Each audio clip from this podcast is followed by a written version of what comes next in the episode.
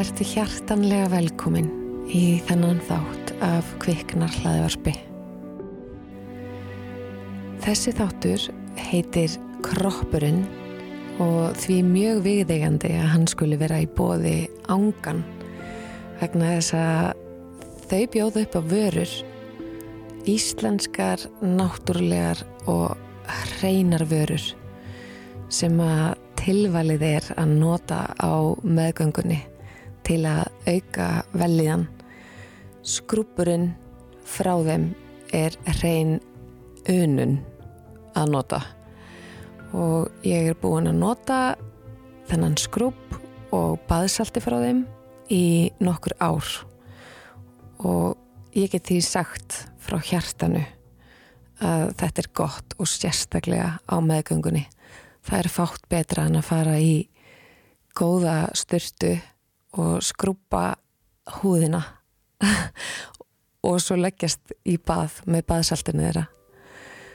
Ég segi ykkur frá sem verum nánar í þættinum. Ég ætla að spjalla við Vigni hjá Líf Kýropraktík og auði í jókasetrinu og ég ætla að fá til mín einhverja fleiri sérfræðinga til að tala um meðganguna og hvað verður best að borða og hvernig verður best að reyfa sig og... en ég ákvaða að taka frekar í dag persónlegan vingil á kroppin og því sem fylgir að vera ólétt. Ég varð ófrísk í fyrsta skipti 24 ára gömul. Og síðasta skipti 38 ára. 39 ára já. Það er stórkurslegur mönur hérna á. Ég reyndar er mjög sinnþroska týpa var líkamlega sint þroskuð. Fekk ekki brjóst fyrir en mann ekki 15 ára og byrjaði að blæðingum 16 ára og, og andlega líka frekar sinnþroska ég einhvern veginn fann ekki sjálfa mig fyrir löngu eftir þrítugt og svona tengdi einhvern veginn ekki inn á mitt eigið sjálf fyrir en að ég varð svona hálf fullorðin. Ég held ég hef ekki verið tilbúin til að verða mamma 24 ára og gerði mér náttúrulega enga veginn grein fyrir þeim forréttundum sem það er að verða ófrísk og tók þessu einhvern veginn frekar svona léttvægt síðan þegar sóle mín kom í heiminn þá náttúrulega var ég tilbúin vegna þess að við verðum einhvern veginn tilbúnar bara þegar þegar við allt í nýrum með barn í höndunum það eru forréttindi. Ég ger mig fyllilega grein fyrir því hversu mikil forréttindi það eru að hafa uh, orðið ófrísk fimm sinnum án allra vandkvæða sérstaklega eftir að ég er búin að tala við marga konur um ófríðsemi fjóra ræður sem fimm meðgangum hafa verið ótrúlega auðveldar innan gæsalappa ég hef að sjálfsögðu upplifað uh, einhverja grindarverki og ég hef upplifað brjósviða, drekka heilan lítin á mjölkanóttinni, sveflösa nætur og skelvilegan fótapyrring sem er útaf fyrir sig kannski ástæði til þess að ganga bara gegnum fyrstum meðganguna vegna þess að ég held að ég myndi ekki lifið þetta af, þetta er, þetta er uh, ekkert grín En í rauninni svona heilt yfir litið átti ég fjórar meðgöngur þar sem ég skoppaði um á bleiku skí og ég elska að vera ólétt. Ég er flabrjósta og ég elska að fá brjóst og þuklaði ofta brjóstarum á mér. Allar mínar meðgöngur. Og ég elska að verða þrýstinn og fá rass og fá bumbu og fá brjóst og fá fyllingu í kinnarnar og mér finnst ég aldrei meiri kona heldur en þegar ég geng með barn. En ég fundi það í gegnum tíðina hvað er ótrúlega mikilvægt að sinna andlegri helsu bara nánast meir en líkamlegri vegna þess að að líða vel á meðgöngu er svo mikilvægt bæði fyrir sjálfa þig og makaðinn en sérstaklega barnið þitt og ég hef gengið í gegnum erfiða hluti í mínum samböndum við mína basföður á meðgöngum og án þess að fara eitthvað nánar út í það að það held ég að ef ég vildi einhverju breyta varðandi mínar fyrstu þrjármeðgöngur með stelpuna mínar að það hefði verið að hlúa betra sjálfur mér. Ég vona að þið sem að eruð að ganga með barn mögulega í fyrsta sinn eða eruð ungar eða bara eldri og, og tengið ekki við, við sjálfar ykkur, ykkur neginn eða vitið ekki hvaða er sem að hérna, ángrar ykkur svona inn í hjartanu. Að leita til ljósmórunar ykkar og, og já, láta það ganga fyrir að, að hérna, eigða í sálfræðing frekar heldur en eitthvað annað vegna þess að að líða vel á meðgöngunni andlega er bara fórsandi þess að geta auðveldar tengst barninu sinu þegar það er komið og við yfirferum oft uh, andlega vanlíðan á bumbubúan okkar eða barnið okkar þegar það er komið í heiminn. Ég held að við hindrum þannig mögulega góða og fallega tengingu við barnið okkar. Og það er hægt bara í dag ef þú ert á þessum stað, það er hægt í dag að, að breyta til hins betra. Já, andleg velliðan í fyrsta sæti stelpur. Ég, ég held að ég geti ekki gefið betra óumbeðir áf að sjálfsögðu skipti líka líkamlega velliðan máli. Ég hef aldrei verið mikið að reyfa mig á meðgöngum. Ég prófaði að fara í fyrsta skipti til auðar þegar ég gekk með fyrsta barna mitt og, og myndaði mig bara ákveðna skoðanir á á jóka á þeim tíma sem að ég hafði séðan ekki einhvern veginn sjálf uh, þráska til þess að meðtaka vegna, mögulega með vegna sinnþráska minns eða eitthvað, ég veit ekki.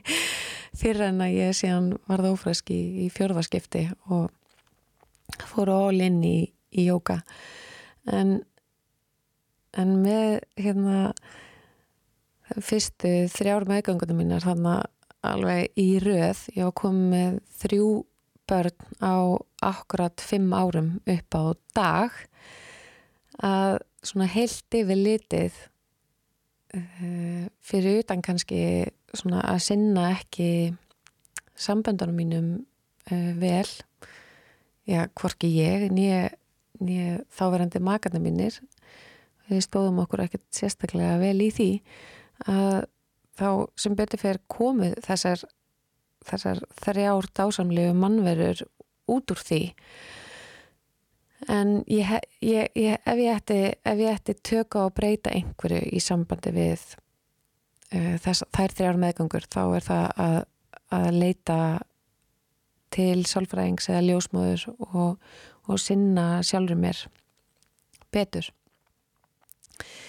Svo kemur einhvern veginn fjörða meðgangan og mörgum, mörgum árum setna og, og með enn en einum manninum. Já, stelpur banna að dæma. Svona er bara lífið stundum. Við, það, hlutir sem við höldum að gangi upp gera það ekki. En ég fann stóru ástina í lífinu mínu á, á Tinder eins og ég hef sagt ykkur.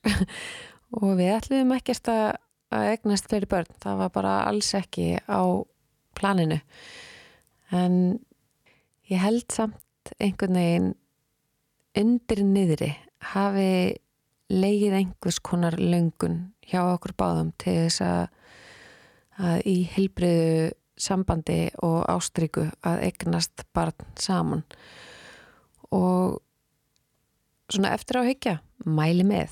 Að þið finnið sönnu ástina svona setna á lífsleginni að auðvitað bara frábært að geta kannski notið bara þess að vera tvö ef er komið eldri börn úr sikkur sambandinu og, og ég skil þá ákverðin fullkomlega og við hefum stundu spjallað um það hvað við hefum ekki eignast tvö litil börn að þá væri við kannski meira frjáls ferð okkar og, og hérna og já, getum sint eldri krökkunum með öðruvísi hætti. En þetta er samt ákvörðun sem við tókum. Ég held að, að mögulega hluta til vegna þess að við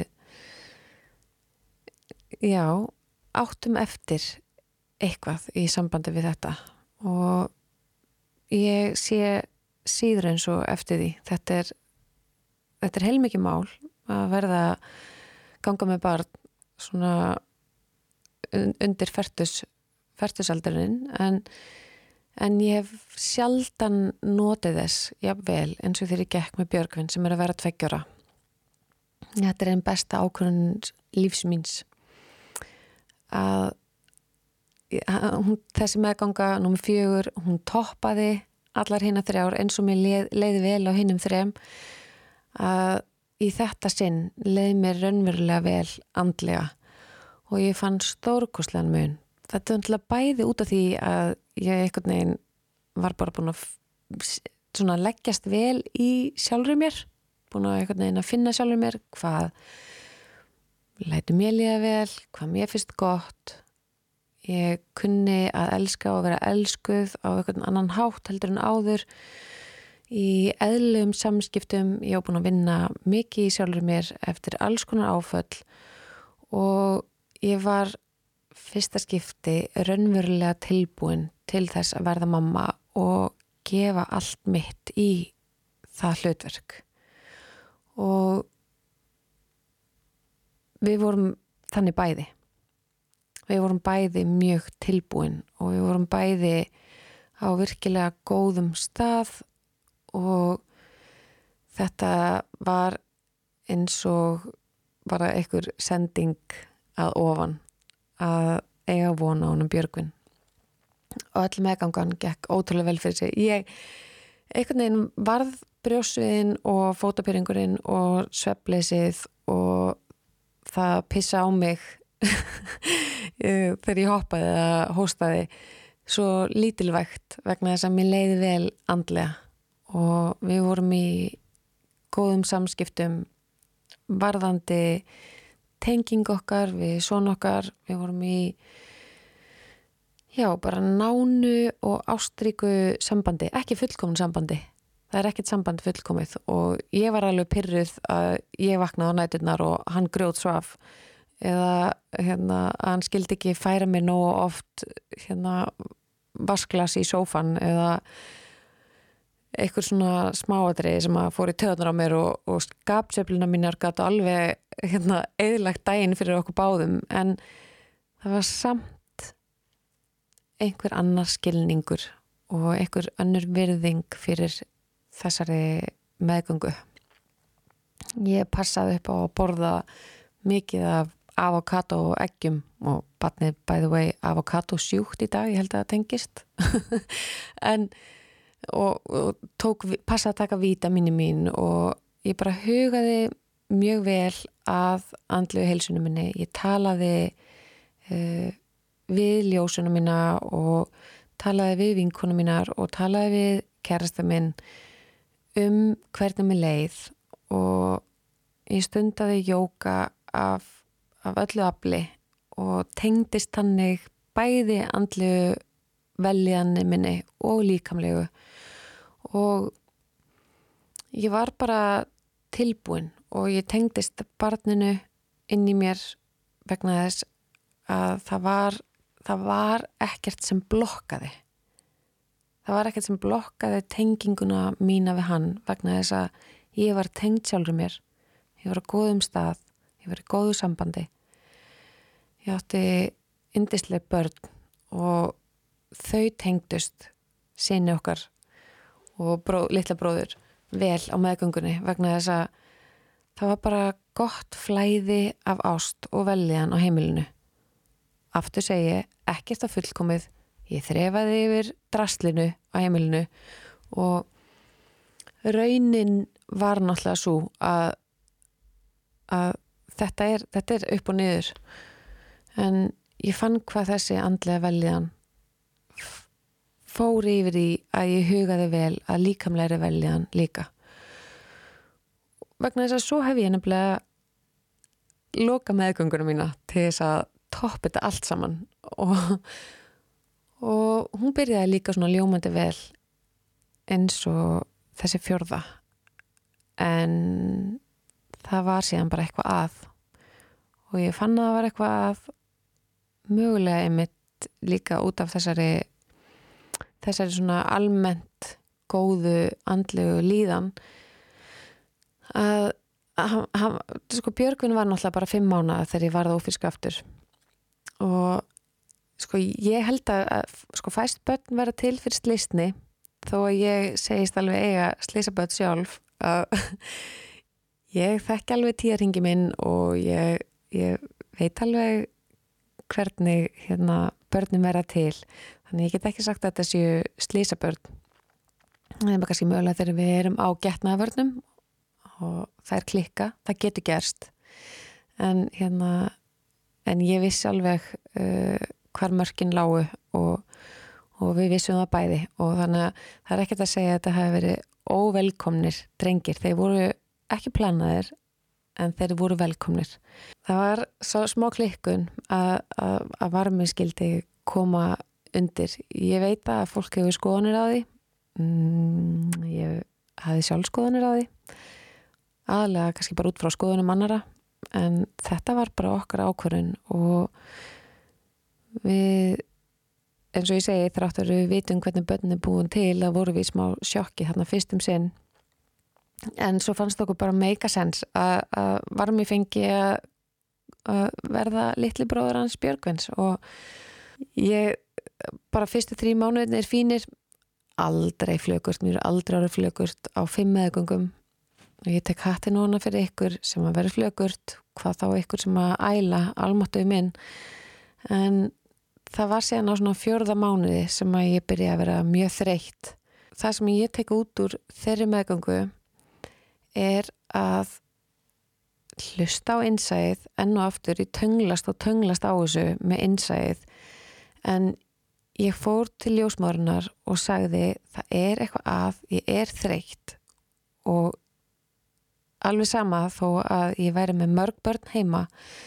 Ég hafi nýverið búin að fæða barn og nýlega hætt með brjóstakjöf sem gekk ekki upp og þreytan og allt sem fylgir því þetta var eitthvað annað. Þetta var ekki þreytan við að reyka heimili eða hérna 15 meðgangan eða bara hvaða ástæður sem að einhver kom með. Þetta var óeðlileg þreyta og ég barðist fyrir því að það veri hlusta á mig í marga mánuði og mér finnst það mjög leðilegt vegna þess að ég sem mjög ákveðin kona og verandi í mjög góðri tengingu við sjálf og mig og mína einn líðan ég vissi að það væri eitthvað. Ég, það var ekki hlusta á mig. Það á endanum var ég fór í mörg viðtöl og ég fór í alls konar tjekk og eitthvað. Og það var ekki fyrir en að bara allt í einu eitt læknir sagði, e, býtu nú við það er ekki búið að mæla hega hjárnið og þá er ég ekki meina hemoglópinið sem er hjárn úrvinnslan eða ég kannu ekki eins og sérfræði málið á þessu en það var sérst hjárnstaðan sjálf sem að var aldrei mælt alveg þrátt fyrir að ég kvartaði og kvartaði og kvartaði.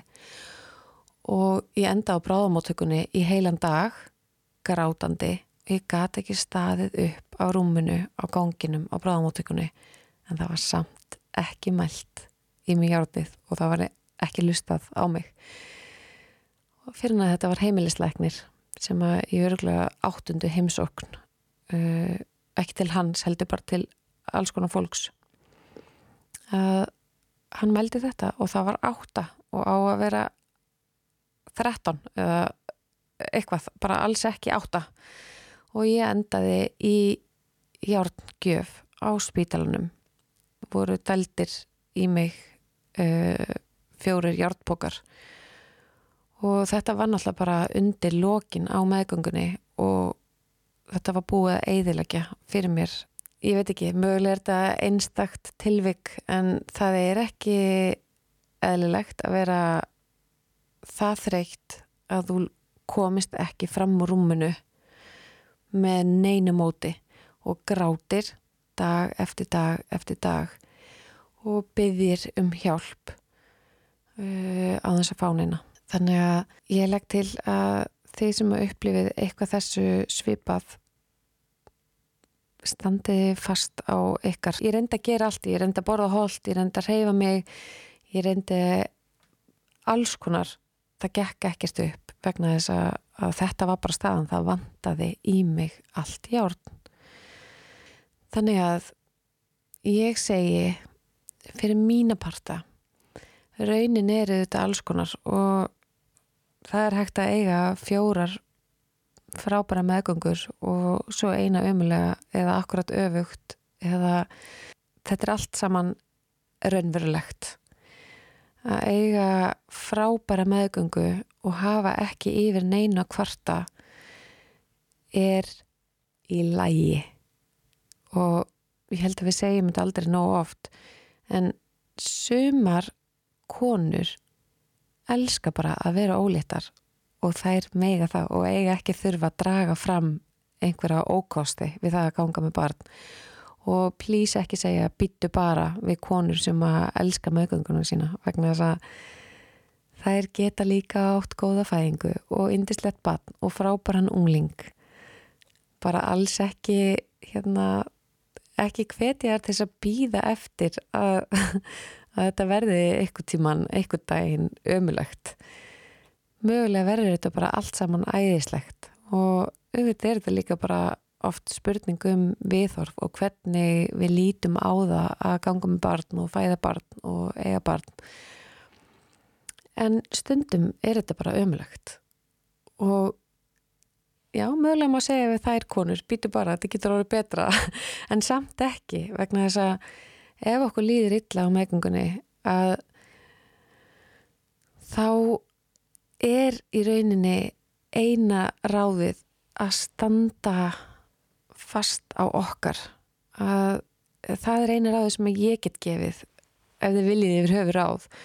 En, en ég fann það að, að þú veist það getur bara verið erfitt að láta í sér heyra þegar okkur líður illa en, en við verðum að reyna og verðum að reyna ef við eigum maka að fá stuðning frá maka okkar og segja bara please, þú verður að hjálpa mér að fá hjálp.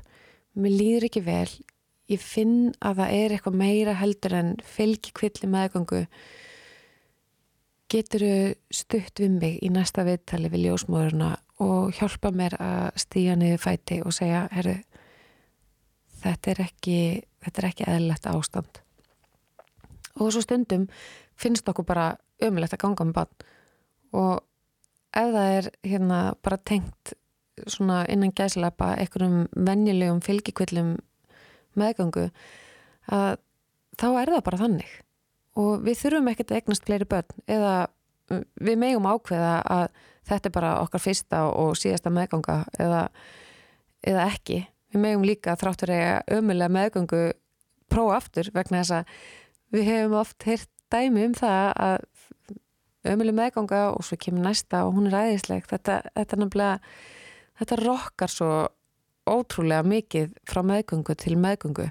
Þó að mér, mér líði eins og ég hef átt fjórar eins frábærar og síðan eina ömulega að, að hérna að þá hefði þær allar getið verið æðislegar að allar verið ömulegar þetta þetta er hluti af þessari umræðu inn á kviknar undir raunin. Að leifa allar upplifanir, leifa allar til tilfinningar.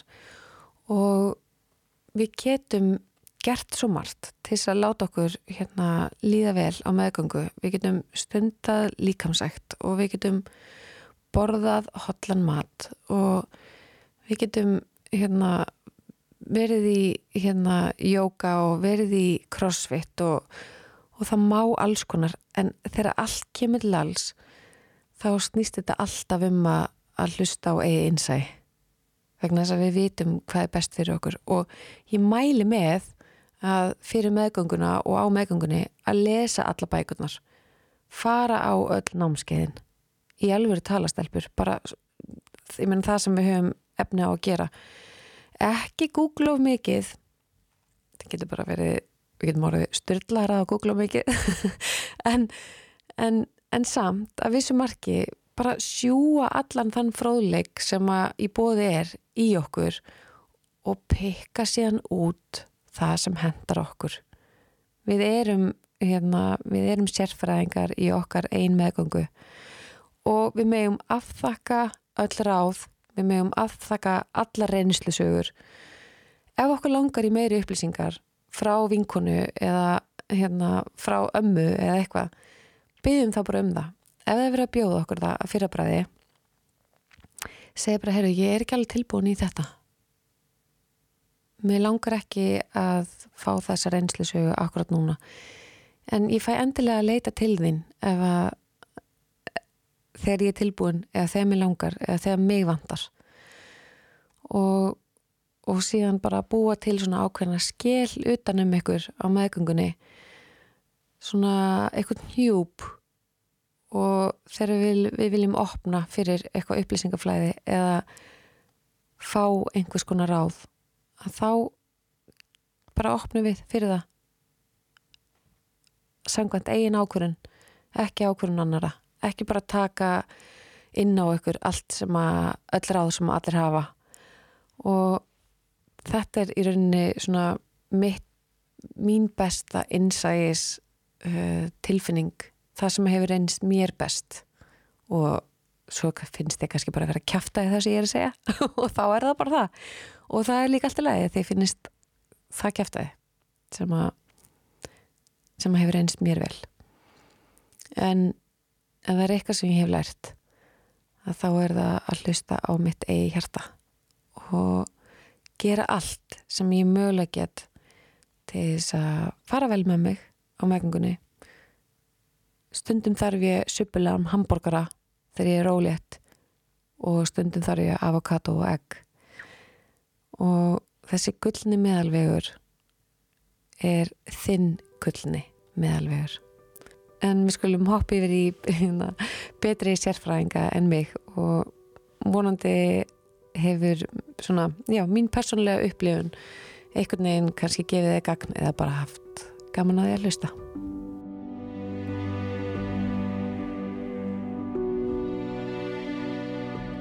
Ég hef verið í meðgöngujóka hjá henni auði og ég lít svakalega upp til hennar og ég veit að þið eru mjög margar sem að tengi við uh, að vera með stjörnur í augunum þegar þið þarði í tíma til hennar í meðgöngujóka og, og ungbarnajóka eftir þæðinguna og ég er svo heppin að vera með hana hérna hjá mér.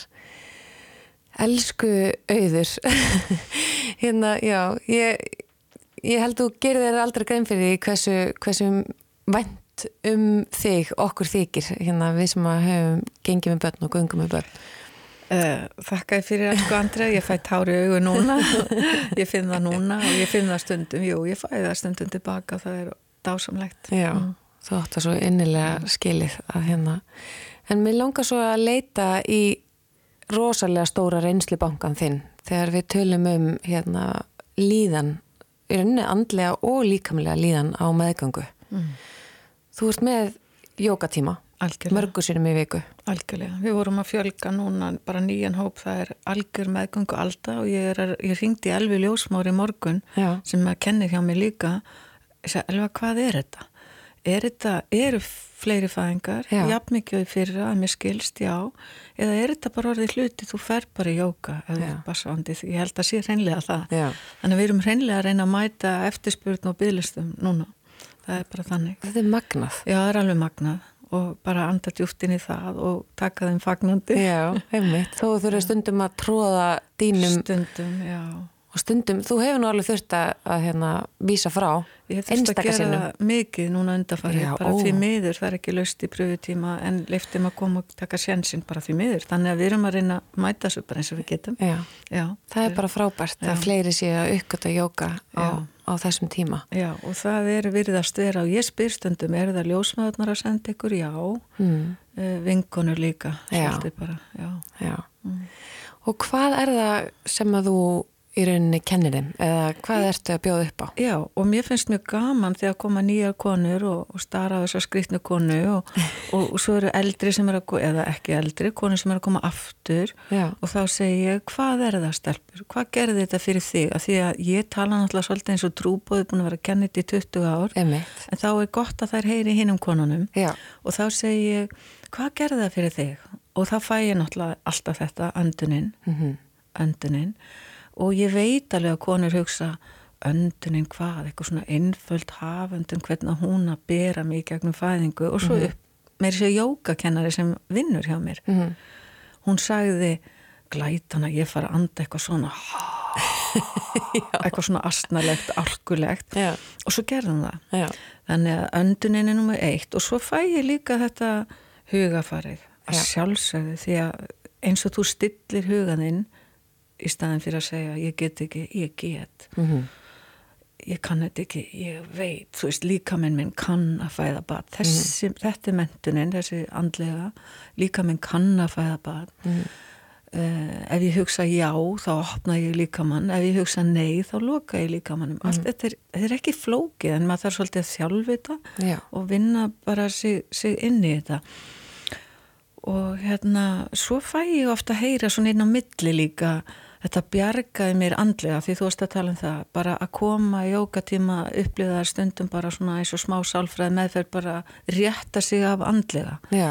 af því að það er svo ótrúlega gott fyrir mig að fá stundum að heyra hvað konur er að fara í gegnum að því ég veit ekkert hvað konur fullu sjálfur konum er að fara persónlega í gegnum Nei. það er að sjálfsögðu alls konar Já. fyrir utan það að vera bassavandi við erum allar að fara í gegnum lífið samt og álag núna vinnan, verkvöld, vírus, allt sem að við erum öll sem fjölskyldur líka sérstaklega farið gegnum og þá heyri ég eina að segja þú tala bara alltaf um paranámskeið í öllum tímum og hún er einn svo kona Já. að fara með batn og þá ég segi vá það var gott að heyra þetta þarna er meðvitund um þá konu Já. sem getur líka komið á paranámskeið samt með aðstandenda Einmitt. eða þessi sem að ég fæ fæðingasögu og hún ég sé hún grætur í tímanum þú veist við að við erum að syngja menturuna þú veist bara ég lít minn innræði æðri visku, mm -hmm. þá er hún að sirkja hundin sinn á meðan allar konurnar er að fagna barninin sínu Æ, þá er hún að fara í gegnum að, eins og hún sagði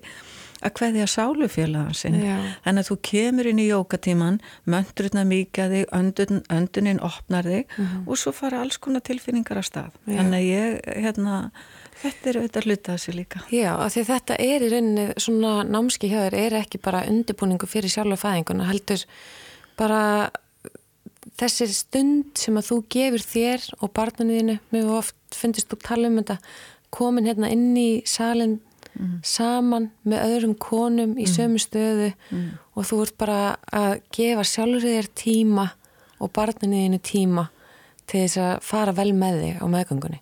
Af því þetta er ekki, þetta er ekki hörsku púl hjá þér nei, nei. og þú ert náttúrulega, þú ert mentuð í hérna, meðgöngu jóka. Þannig að þú veist, getur líka svona leiðbend okkur hvað hva má og hvað má ekki. Akkurat. Og þú tala mikið um að hlusta á líkamann. Ég, ég er núna eiginlega alveg komin, sko, jókasamfélagið er svolítið mikið að fara í gegnum eins og bara samfélagið allt að fara úr þessu karlæga yfir í það kvenlega mm -hmm. og líka jókanu. Mm -hmm. Þú veist, þetta fara mætin í salin í fullkomna jókastuðu, gera betur enn eitt til þess að verða betri í þetta árangu smiða. Já og ég er búin að fá svo leiðis nóaði, ég get Já. alveg kentir fullkona stöðu, ég dansar í bakgrunn, ég kann svolítið mikið um það, mm -hmm. en ég segi bara, ég var með nýjan hópa á þriðudaginn, það er mjög langt síðan kent fullum sal að nýjum hópa því vorum að starta nýjum hópa alveg. Já. Ég vil eitt koma bara inn og, og blandast hópanir, en þá sagði ég bara, eiginlega vil ég helst kalla jóka mitt dýrajóka og hópurinn sem mætir þessu allra best, mm. það eru meðgöngukonur af því að æjá, má ég hlusta líka maður minn núna, Já. hann er ekki eins og hann var í gær, ég þreytari núna en í gær, Já. allt í hennu brjósviði þarna, allt í hennu stakka kúlan allt í hennu tógar þarna og þá bendi ég á það að jóka sem var til úr náttúrunni að þegar þú ferði í hundin eða hundurinn fyrir hundin mm -hmm. hann er aldrei að spá í hvernig hann lítur út Nei. hann er aldrei í samanburði Nei. hvort hann er flottur eða liður og náttúrun er aldrei í samanburði og aldrei í samkeppni við nokkuð og ég er alveg, þetta er bara mín besta viska núna Já. sem ég get miðlað og það er að hlusta náttúruna og vera eins og dýrin og, og auðvitað eru kannski bestu fæðingarna líka þannig Já. þegar ég leiði mér að fara svolítið inn í dýri þetta frumstaða mm -hmm og ég finna þær taka við þessu og pínu skríti fyrst ha, á ég, hvernig á ég að líti út, hvað á ég að gera segðu mm. mig bara aðtilu mm -hmm. loka augunum, farðin í líkamann ef þú hlustar á líkamann þig núna hvernig hann líður og þú mætir því þú gerir þetta sjálf í tímanum það er ekki að segja þér það því þú, sumarkonur segja bara já takk strax já. Fyrir sumarkonur taka, tekur þetta svolítið tíma, þetta tröst já. að því við erum með mismunandi tengingu við líkamann okkar mhm. -huh. og mismunandi tröst til líkamanns mhm. -huh. og þetta, að, ég má hlusta þig já, því ef ég þjálfa þessa hlustu núna, mhm. -huh. þá hlusta ég líka betur á morgun og þá hlusta ég hinn, þetta er bara allt er þjálfun núna, hvernig mæti ég núinu og mér núna svona mm. þreytt, svona spennt svona opinn eða ekki Já mm. Akkurat. Mm.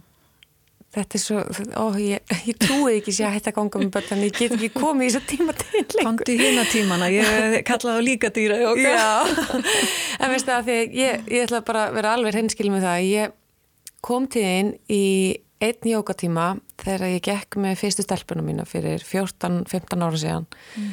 Og ég man eftir þetta var upp á okkur háalofti þarna í Borgatunni já, Borgatunni mm. Og ég kom inn og það voru alveg þú og einhverjar af konuninu sem voru í meðgöngujökuðinu með svona á höðinu, svona turba, hvað heitir þetta? Svona, Tur, turban eitthvað skona já, já, svona vafi, hári vafi inn í.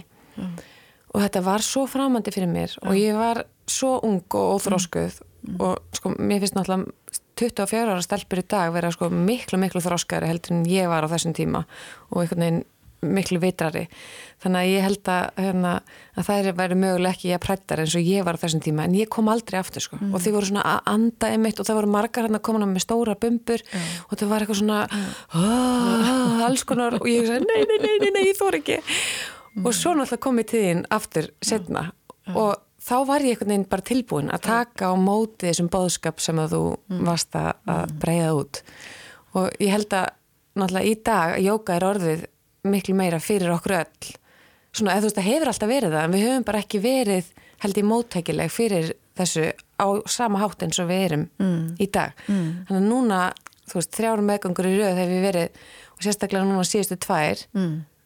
ég er bara algjörlega húgt á þér Ég, sko ég held þetta sé líka bara það sem er að gerast núna hjá ungu konunum því að núna var ég með fullan sal. Ég segi hvað eru þið að koma hérna inn efstar á bygglistanum sem ég er að búa til nýjan hóp? Já. og það sést alltaf á ykkur. Mér fannst ég er með fullan sal af konum Já. sem væri bara komnar 14-15 vikur. Já. og það var mjög skrítið að því yfirleitt er ég með konur langkomnar og skemur blönduna sko. En, en hérna ég held að vinkonurnar séu að hvetja og þær trúa svolítið vinkonu sínum. Og verður að fara í jóka og segða nú bara að strúka niður kjálkana og þá bara finnur ekki til og Já. alls konar skilur uh, það er bara að hvetja hver aðra Já. af því að það er kannski, það er alltaf best það er alltaf best Já. það sem að þú hefur líka bóðið upp á í tímánuðinum að það er, ef þú ert rosalega þreytt mm. þá máttu alveg leggja þig mm. Er þetta ekki satt? Algjörlega og ég var að segja þeim þessum, mér sé þessum konum sem að valla sást á og ég sagði þeim held í frá því, það er einn kona sem kom á tveimu meðgöngum í kvöldtíma mm -hmm. Og svo satt hún frammi eftir tíman svolítið lengi Já. og ég segi, er þetta betur að vera sótt?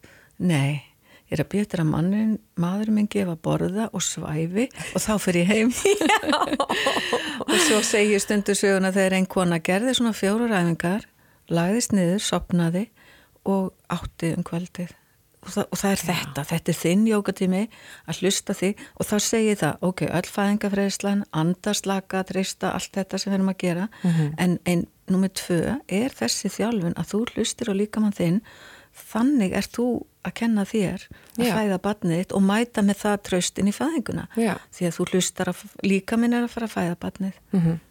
þannig, að, þannig að þú, þú, þú bara þú ert með opið fyrir, að bara um leið og veist og þú ert þá máttu koma til þín við meðum koma bara um leið og við vitum að við erum ofisku, við þurfum ekki að vera komnar ákveði lá Já, já, þú veist, við, það er að koma svona kannski eftir 14-16 vikur Já, og, og hérna, einmitt. Og þá, og sem að koma setna já, og nota þennan tíma meðgöngurinnar að hlúa að sjálfu sér gefa ja. sér þessa stund. Algjörlega og ég er að reyna að breytika það. Og ég á með paranámskeið um helgina og ég spyr alltaf hvað eru margir sem vita? Mm -hmm. Að við erum eina landi í Skandinavi þetta fyrir ekki að ég vona alþjóð heyri. Ég hef talað um þetta við þinkonur og það eru tíu ár síðan og mér finnst þetta ekki að breytast. Já. Hvað eru margar sem vita að við erum eina landi í Skandinavi, eina landi sem ég veitum í Evrópu, þar sem kona má vinna lengur en áttamánuði á meðgöngum og þetta, þetta gamla íslenska ofurkonan, mm -hmm. því að þegar þú ert að, að bera og næra tvo líkama komin áttamánuði leið, mm -hmm. þá er eðlilegt úr sér dreikt, mm -hmm. það er eðlilegt af áhrif á svefnin sem er auðvitað hlut af heilsu og ef þú ert þreykt þá er stittra í spennu, ef þú ert þreykt þá er stittra í kvíðan mm -hmm. og ég bara, ég vil meina að það geti haft áhrif á kostnaði heilbreyðskerfunu mm -hmm. jafnast, jafnvel út minni yngripp, konan er kvíld, hún er örug henni líður vel, þetta er stæstar lífsreynslan okkar, mm -hmm. við höfum að gera allt samfélag og styðja við allt án yeah. sig góð yeah. og það byrjar til dæmis þarna Akkurat. það vita að það svo fáir er alltaf jafn hissa mm. ég, ég trúi að bara vonandi því fyrir því betra að þér takist að bera út þannan bóðskap nóg mikið þannig að þessu verður breytt. Við gerum það saman. Við gerum það saman, já, heldur betur. Við vinnum í þessu saman. Mm. Herðu, takk auður kærlega fyrir í dag. Takk fyrir.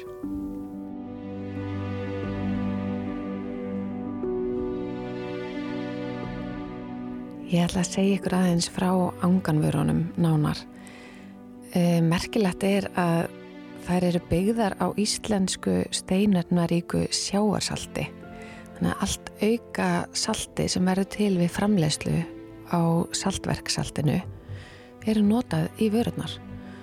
Og hún Íris Lagstall sem er konan á bakvið angan, hún nota síðan handtindar vildar íslenska júrtir, sjáfagróður og lífrennar ólýjur í vörurnar. Þær eru sko, þær eru æði og án allra aukaefna og úr 100% hreinum innihaldsefnum. Það eru líka vegan og cruelty free eins og það kalla. Ángan vörurnar fást í Rím og Epal, Hafstór og á anganskincare.is Hann Vignir Þór Bodlason, kýrópraktor og eigandi af Líf Kýrópraktik Hann er komin til minn til að spjalla eins um slíka starfsefni og, og, og meðgönguna, í tengslu við meðgönguna. Og ég vil nú bara byrja að segja að ég fór til hans á meðgöngunni og eftir meðgönguna og það er ástæðan fyrir að hann er hérna dag. að mín personlega reynsla og upplifun að ég að fara til hans og hjálpa mér líkamlega var bara svo frábær að ég gæti ekki annað en fengið þig og segðu mér nú hvað er það sem að hérna, konur koma til þín út af á meðgangu hver er ástæðan? Það er rauninni mm, rosalega svona kannski einfaldi hlutir en líka svona flóknir Já. í rauninni mm. það er rauninni alltaf einfalt sem er góður í held ég mm -hmm. en hérna uh, konur koma mest megnist sko nú þið í rauninni út af því að þau fá meðmæli frá einhverjum sem þau þekkja mm -hmm. eða hlusta á, á viðtala eins og þetta eða eitthvað slíkt eh, og hefur verið að færa svolítið mikið í aukanar að, að konur viti að, að það er margt á meðgöngu sem þarf ekki endilega að vera uh, erfitt. Mm -hmm. til dæmis eins og, og með grindargliðnum sem er oft nefnt við konur að síða með mjög mhm. snemma. Mm -hmm en það þarf ekki endilega að vera að sé beint grindar gliðnun Nei. sem er eiga sér stað mjög snemmi ferlinu. Oft á tíðum er það uh, frekar einfaldir hlutir í mjögmagrinu sem er hægt að laga. Ok, þetta er náttúrulega amazing. Já Þú, þú, þú raunverulega ferðin konur sem eru með grindagliðnun mm. og þú hjálpar þeim og það er eftir eitthvað skiptið að þér finna ekki fyrir því Já, e, þú veist mér finnst eiginlega að finnast í þessu að, að veist, þetta eru þeirra orð já. þegar konur segja bara já, grindaklinn, hún er bara farin þá er ég bara, já, ok, það er frábært já. en þú veist, það samt segja okkur, það var í raun ekki grindaklinn per se Nei. til að byrja með Nei. það var annað og ofta, ofta tíðum liggur það í, í spjaldregnum og í spjald, spjaldónum tveimur í mjamagrindinni að það er skekkja sem er að mynda núning sem gerir hlutina erfiðar á meðgöngu. Já. þannig að, að hérna, það er ofta, ofta tíðum mjög skemmtilegt svona að já, hún er farin bara. Já, já það, það getur gæst þannig að það er henni mjög jákvæmt og ofta tíðum er það þannig að hérna, það sem ég heyri kannski líka mest af er að konur segja að ég vildi að ég hefði komið fyrir á meðgöngunni Já. eða ég er búin að vera svona í veist, ég veit ekki hvað marga vikur á meðgöngunni mm -hmm. og loksins kannski lokin líðin vel en samt þá er henni allt svona þannig sé tæknilega orðið erfiðara Já. þannig að það er henni uh, mjög jákvæmt þannig að, hérna, þannig að hversu snemma megu við koma til þín þegar við erum með barn í bömbinni þú getur komið í rauninni snemma og vilt sko um, svona ef það er einhver svona tímapunktur sem er hægt að mæla með að, að byrja að koma til þess að fyrirbyggja það að lenda í einhvern slags eh, óþægindum eða líka bara að stuðlaða betur hreyfanleika í mjamagrindinni mm -hmm. að þá er það í rauninni eftir einhver tíma 12-15 viku Já. svona áður en hlutir uh, fara að stækka þannig almenlega þeir fara að hafa mögulega áhrif á, á, á dalit líf mm -hmm og hérna og á þeim tímapunkt er mun auðveldra að, að hérna leiðrækta hluti heldur en þegar þú komið lengra. Og, og þá kannski ertu búin að upplifa erfiðari meðgöngu sem múið taka sinn toll á þig. Mm -hmm. um, þannig að það er henni vola gott að byrja hérna snemma. Mm -hmm. ef maður vil byrja með þess að eins og ég tala um að fyrirbyggja og þá er henni líka eru hérna tímannir er svolítið í lámarki að sem eftir er meðgöngunar Já, það er komið í færri tíma. Algjörlega, Já. þannig að hérna, það er með svona oft ástæðan fyrir að kannski ef einhver kemur 30 okkar vikur á leið að þá þarf maður kannski að sjá viðkomandi nokkur skipti í þeirri viku eða hvernig sem er að því að þú ert Já. að díla við margar vikur af, af meðgöngu og, og hérna álægi sem búið hlaðast upp. Já, einmitt. Þannig að það getur, getur verið miklu, miklu betra og er einnig mun auðveldar fyrir mig að hjálpa þér ef þú kemur fyrr. Já, en við erum ekki okkur er samtalið bjargandi þó við komum setna Já, algjörlega. Það, er, það er bara genið að þess að vera en það er líka bara allt í læg Allt er hægt. Já. Já. En þú ert sérst, sérhæður í þessu að, að meðhundla konur á meðgöngu. Já, ég er hérna uh, búin að hérna, vera í því bara frá því ég var í náminu. Uh, í náminu þá út þess að ég kláraði 2015 þá fór einhvern veginn svona áhugin að, að beinast að þessu og, og, og, og þessu prosessi Já. og hérna uh, þannig að þar byrjaði og svo var ég að vinna á stofu úti sem var að sérhafa sig í þessu með, með kýróprató sem var með öll þessi hérna svona réttindi og skilirði mm -hmm. og var að sjá mikið af fólki en ég fekk að fylgjast svo mikið vel með þar mm -hmm. og svo í rauninni kláraði ég í rauninni svona tækni uh, sem heitir website tækni sem uh, allan að senast ég tjekka er ég er allan að skráðurinn á, á website hjá ICPA sem er International Chiropractic Pediatric Association wow. Já, rosa fransína ICPA dugar en hérna þar semst er ég allan svo eini sem er skráður á Íslandi sem er með semst certification í þessari webster tækni Já. sem er fókusuruð á rauninni meðgönguna og, og, og fyrirbyggjandi á meðgöngu mm -hmm. um, svo eru náttúrulega margar aðrar tæknir í kýróprætík svona aðferðafræðir það er svona bara held ég eins og í mörgum fögum það er ákveðnir svona uh, processar standardar, test og, og fleira sem þú gerir til þess að, að hjálpa fólkinu sem best sko. mm -hmm. þannig að hérna uh, það er það sem við þurfum uh, mest að nota þegar við erum að hugsa um einhvern sem er að maðgungu Já En hvað segir við þær sem eru hrettar við að láta braki í sér? Já Það er ekki til þess að vera hrettu við sko, það er hérna um, þegar það er, er gert rétt og, og þegar það er gert af fagmanni mm -hmm. að þá er það í lægi mm -hmm. sama hvað það er unni kýrópraktor, það er unni um, sem er að nikja mm -hmm. þá er það raunni manneskja sem er búin að sérhafa sig í því mm -hmm. og það er bara eins og í held ég öllum öðrum fögum það er hérna þú vilt fá fagaðila inn mm -hmm.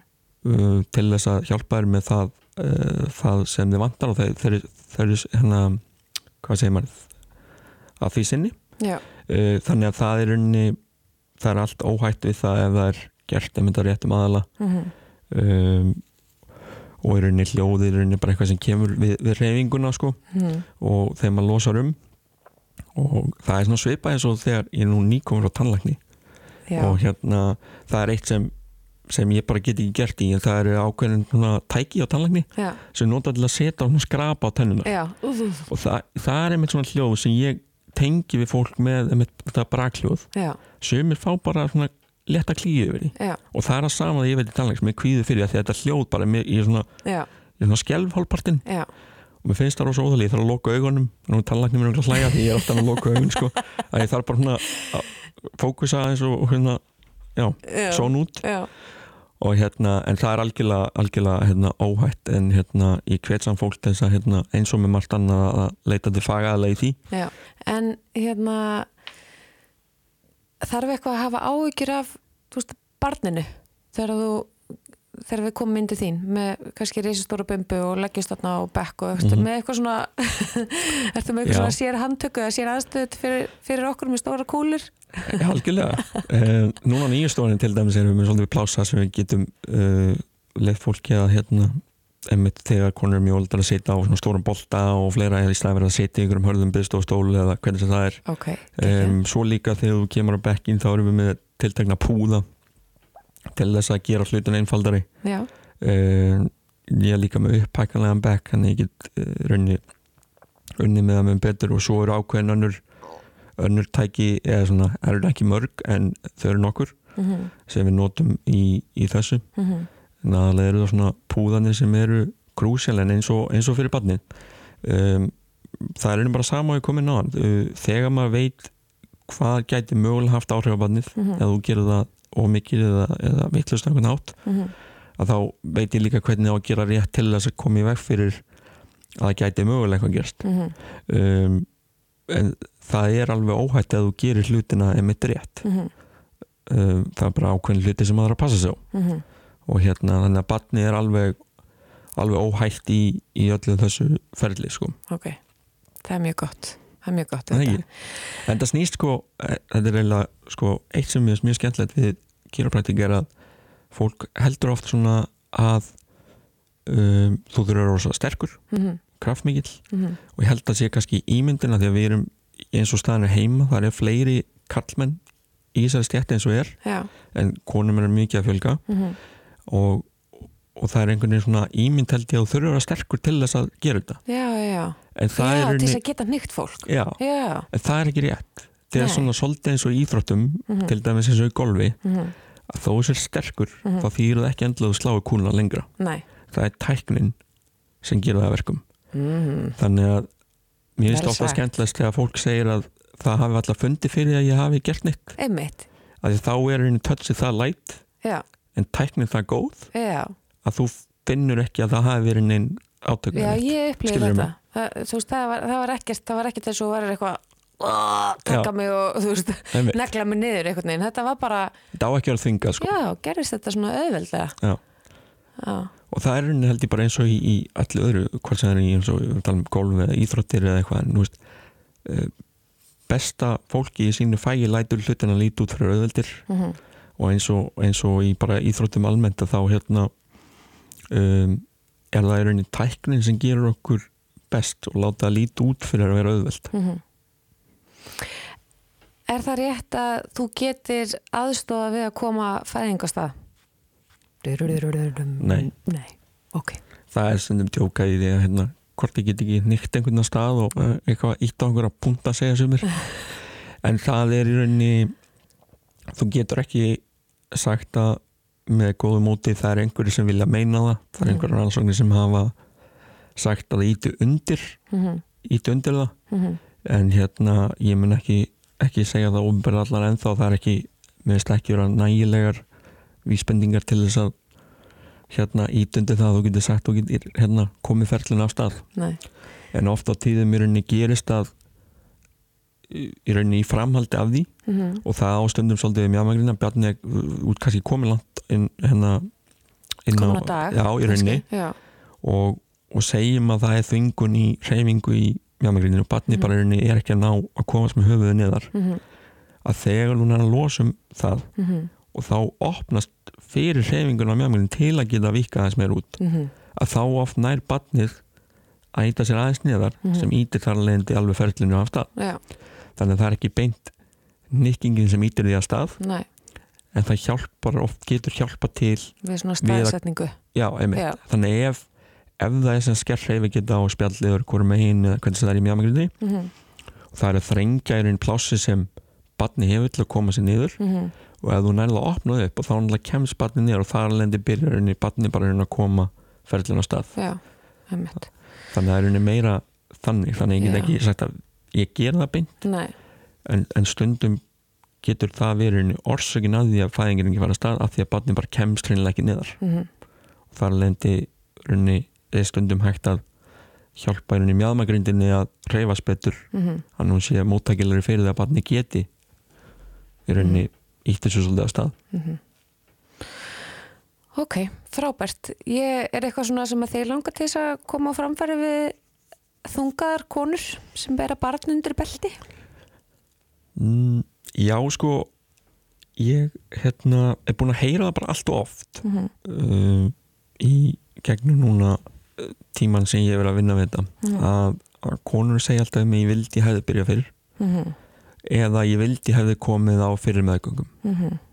og mér þykir það oft svona rinni smá leitt af því að þarna er kannski konar á einhver aðra meðgöngu og leið bara frábælega gegnum allt mm -hmm. náða að get, geta gert allt sem það vildu mm -hmm.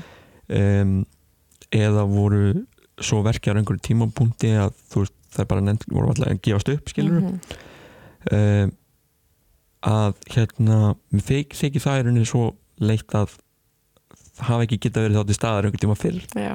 það eru margar sem segja mér sem eru hérna, orðnar ömmur og svona sem segja stundu um mig, ég vildi að hérna, þú veist. Ég hef ekki að fara til þín þegar ég átti hann og er þá að benda mömmuna sem er að koma til minn og eitthvað svona. Já. og hérna þannig ég hérna myndi hvetja hvetja alla konur sem eru á, á meðgöngu til þess að koma allan og, og átta sig á því eða hérna eða finna hvernig það getur hjálpaði á meðgöngu. Og hérna að það er rosalega mikilvægt að mann líði vel á meðgöngu mm -hmm. og þegar ef mann líði vel á meðgöngu og fængin gengur vel mm -hmm. að þá náttúrulega verður henni, þú veist, allt miklu auðveldara mm -hmm. og hérna og, en, en það er svona aðrir faktor líka í þessum sem getur náttúrulega spilað inn í mhm.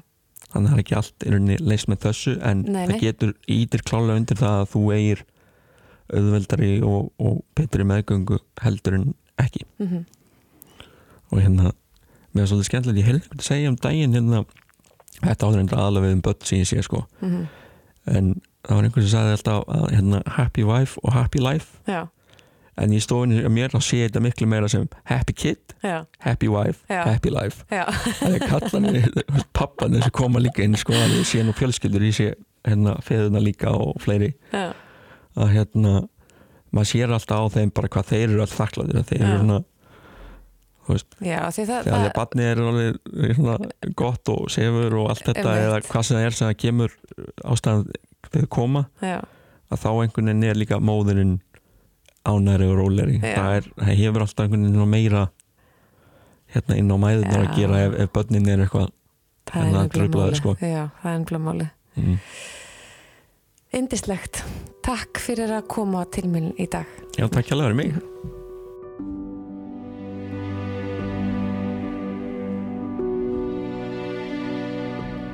Þá er fymta þætti af kviknar hlaðvarpi lokið. Takk Vignir og auður fyrir gott spjall og ángan skinnker. Stelpur, þið vitið það að á meðgöngunni allt sem við gerum til að auka verðliðan er jákvæmt og ég mæli með að þið skellið ykkur í bað með baðsaltinu frá ángan og notið svo skrúpin og skellið á ykkur maska og endið á að bera á ykkur ólíuna með klimmerinu og lavenderinu í alvöru þetta er eins og tásamlegt heimaspa og íslenskar tærar, reynar, fallegar vörur. Og mér finnst að við hefum að stiðja íslenska framlegslu og konur eiga stiðja konur. Og Íris Lagstall á bakvið merkið takk kærlega fyrir stuðningin í þessum femta þætti af Kveiknar hlaðvarpi